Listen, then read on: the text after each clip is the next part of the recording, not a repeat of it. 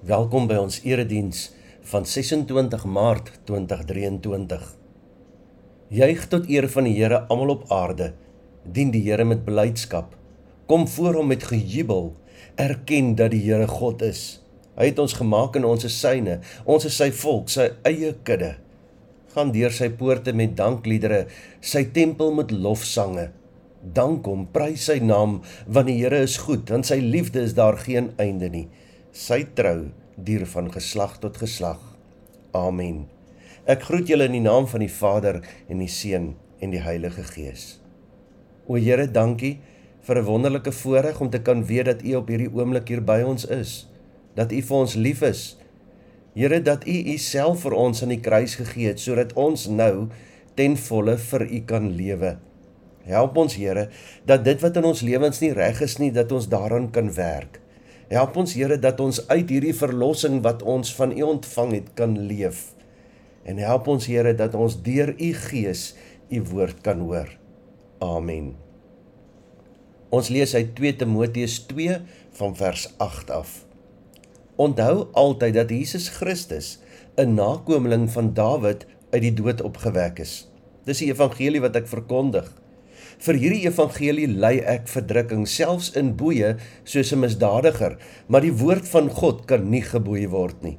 Daarom verdra ek alles ter wille van die uitverkorenes, sodat ook hulle die verlossing wat daar in Christus Jesus is en die ewige heerlikheid kan ontvang. Dis 'n betroubare woord. As ons saam met hom gesterf het, sal ons ook saam met hom lewe tot sover. Vers 8 begin met die woord onthou.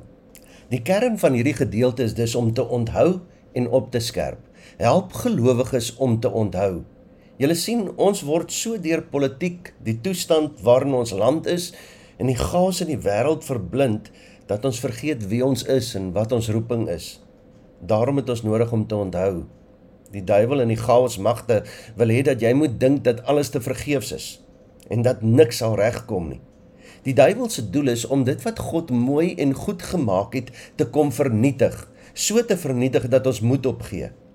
En dan gee ons moed op met die politiek, met ons verhoudings en selfs met godsdiens in die kerk en uiteindelik ook met God. Die duiwel gooi die gemors van die wêreld so voor ons uit dat ons nie meer God se hand kan raak sien nie. En dan sê God: "Onthou, die gaas het nie gewen nie. Onthou, Galasiërs 6 vers 11 tot 12 sê: "Trek die volle wapenrusting aan wat God julle gee, sodat julle op julle pos kan bly ondanks die listige aanslag van die duiwel." Ons stryd is nie teen vlees en bloed nie, maar teen elke mag in gesag, teen elke gees wat heers oor hierdie sondige wêreld, teen elke bose gees in die lig. En wat is hierdie wapenrusting? Galasiërs 6 van vers 14 af. Bly dan op julle pos toegerus met die waarheid as gordel om die heupe die vryspraak deur God as borsharnas, die bereidheid om die evangelie van vrede te verkondig as skoene aan die voete. Daarby moet julle altyd geloof as skild in die hand hê, want daarmee sal julle al die brandpyle van die bose kan afweer. Sit verlossing as helm op en vat die swaard van die gees. Dit is die woord van God. Die duiwel is oorwin. Sy mag is gebreek. Ons is reeds vrygespreek. Ons is reeds verlos. Ons leef nou in die geloof Onthou dit. Maar wat moet ons onthou? Dat Jesus gebore is, gesterf het aan die kruis, maar onthou altyd dat Jesus Christus ook uit die dood opgewek is. En omdat Jesus uit die dood opgewek is, gebeur daar verskeie dinge in ons lewens of moet daar verskeie dinge in ons lewens gebeur. Bly dan op julle pos, toegerus met die waarheid as gordel om julle heupe, die vryspraak deur God as borsharnas en die bereidheid om die evangelie van vrede te verkondig as skoene aan die voete. Daarby moet julle altyd geloof as skild in die hand hê, want daarmee sal julle al die brandpyle van die bose kan afweer. Sit verlossing as helm op en vat die swaard van die gees. Dit is die woord van God. sien midde in hierdie deurmekaar wêreld moet Timoteus en ons ten alle tye die kern van die evangelie, Jesus se menswording en opstanding onthou. Paulus herinner Timoteus verder daaraan dat hulle saam met Christus sal lewe, dat hulle saam met hom opgestaan het en dat hy altyd getrou is. As gelowiges mag hulle nie vir Jesus verloon of in die steek laat nie. Hoe doen 'n mens dit? wanneer jy as gelowige begin lewe en dink asof Jesus nie opgestaan het nie. Wanneer jy begin lewe en dink asof die bose nie oorwin is nie. Wanneer jy begin lewe asof jy nie vrygekoop is nie. Terwyl Paulus al hierdie dinge vir Timoteus skryf, is hy self in die tronk. En daarmee sê Paulus, Timoteus moenie net die evangelie van Jesus onthou nie, maar ook Paulus se bereidwilligheid om daarvoor te ly. Wanneer jy vir Christus volg, sal dit nie net goed gaan nie. Maar in daardie slegte tye moet jy onthou dat selfs Christus eers moes sterf sodat ons kon lewe. Onthou God sit nie net daar bo in die hemel en goed gebeur nie. Hy word deel van ons menswees. Hy word mens. Onthou altyd dat Jesus Christus 'n nakomeling van Dawid uit die dood opgewek is. Dis die evangelie wat ek verkondig.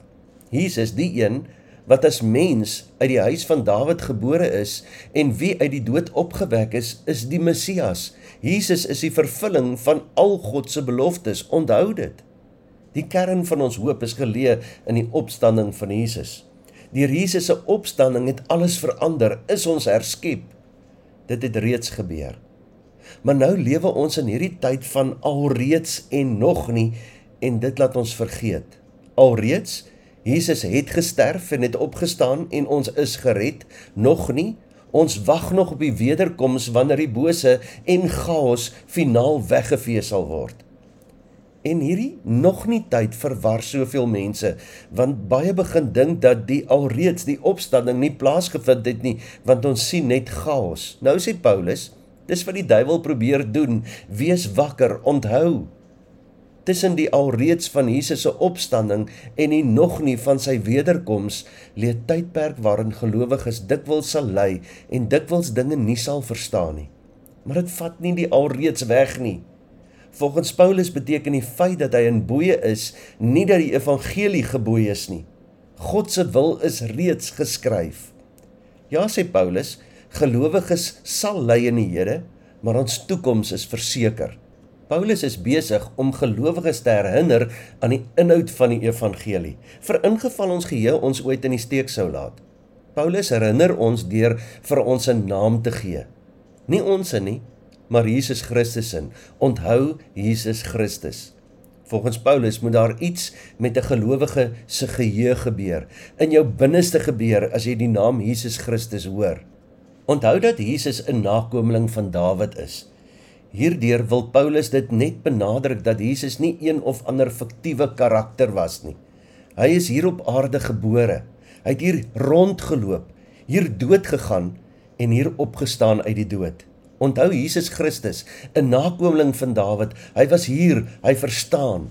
En wanneer God ons stikkend uitsien, hardloop hy nie weg nie. Nee, hy het sy seun Jesus gestuur. Dit is wat die menswording van God se seun beteken. Hy het nie sy rug op ons gedraai nie, maar iets gedoen om alles te verlig. Onthou Jesus Christus, 'n nakomeling van Dawid. Hy was hier, hy verstaan. Onthou, jy is die rede hoekom Jesus mens geword het. As jou geheue die rede van hierdie menswording van Jesus begin onthou, het dit radikale gevolge vir volgelinge van Jesus as ook vir mense wat naby hulle is. Onthou, Jesus Christus, 'n nakomeling van Dawid, hy was hier, hy verstaan. En hierdie Jesus het uit die dood opgestaan. Die dood en sy trawante het alles wat hulle kon na Jesus se kant gegooi, maar dit was nie goed genoeg nie. Jesus se opstanding is die dag toe alles verander het. Saam met Jesus kan ons alle moeilikheid in die oë kyk en sê ek weet van iets waarvan julle nie weet nie. Ons God lewe en hy regeer. Dit is nogal belangrik om te weet watter tydsvorm Paulus gebruik as hy skryf dat Jesus uit die dood opgewek is. Dis nie net een gebeurtenis in 'n spesifieke tyd nie, maar 'n deurlopende staat wat ewig duur. Hy's nie besig om vir Timoteus te sê onthou die eintlike opstanding van Jesus in 33 na Christus nie, maar hy sê eintlik vir hom en vir ons onthou die opgestane en altyd teenwoordigende Jesus Christus hier in jou lewe 24/7 by jou. Onthou weer Vir Jesus volgelinge is Jesus nie 'n karakter in 'n boek wat hy of sy gelees of van gehoor het nie.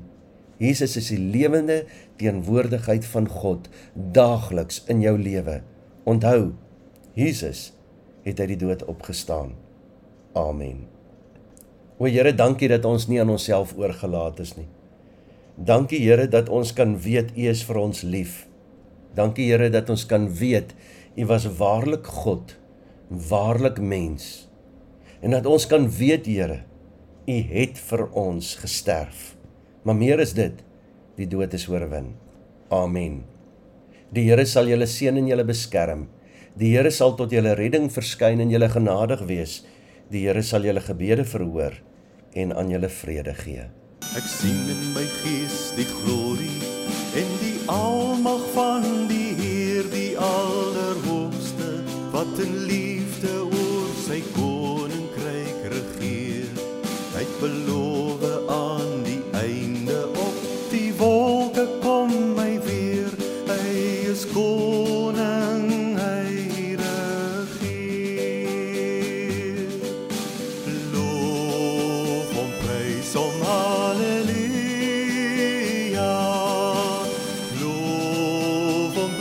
hom, halleluja.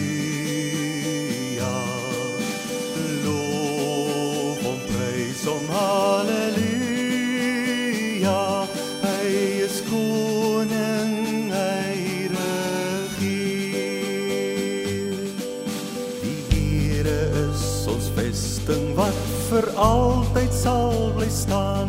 Hy beskerm elke mens wat in geloof na hom toe ons skuilings, hy is ons wapen, hy het die vyand reeds verslaan. Hy is die rots wat ewig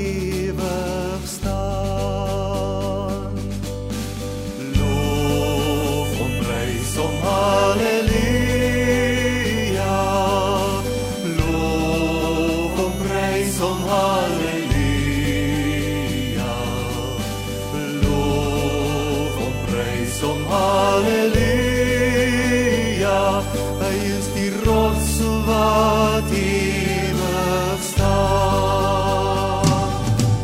Kom deel nou in ons loflied Hef jou hande op na bo Blaas basyne slaan op tromme En kom dans voor God se oor Kom leef in die oorwinning van sy woord waarin sy woord sal